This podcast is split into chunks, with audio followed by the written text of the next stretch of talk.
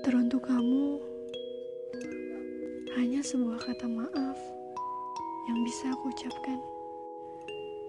Karena telah banyak memberi luka dan rasa kecewa. Yang dengan dinginnya hadir kembali dan membuka lembaran lama itu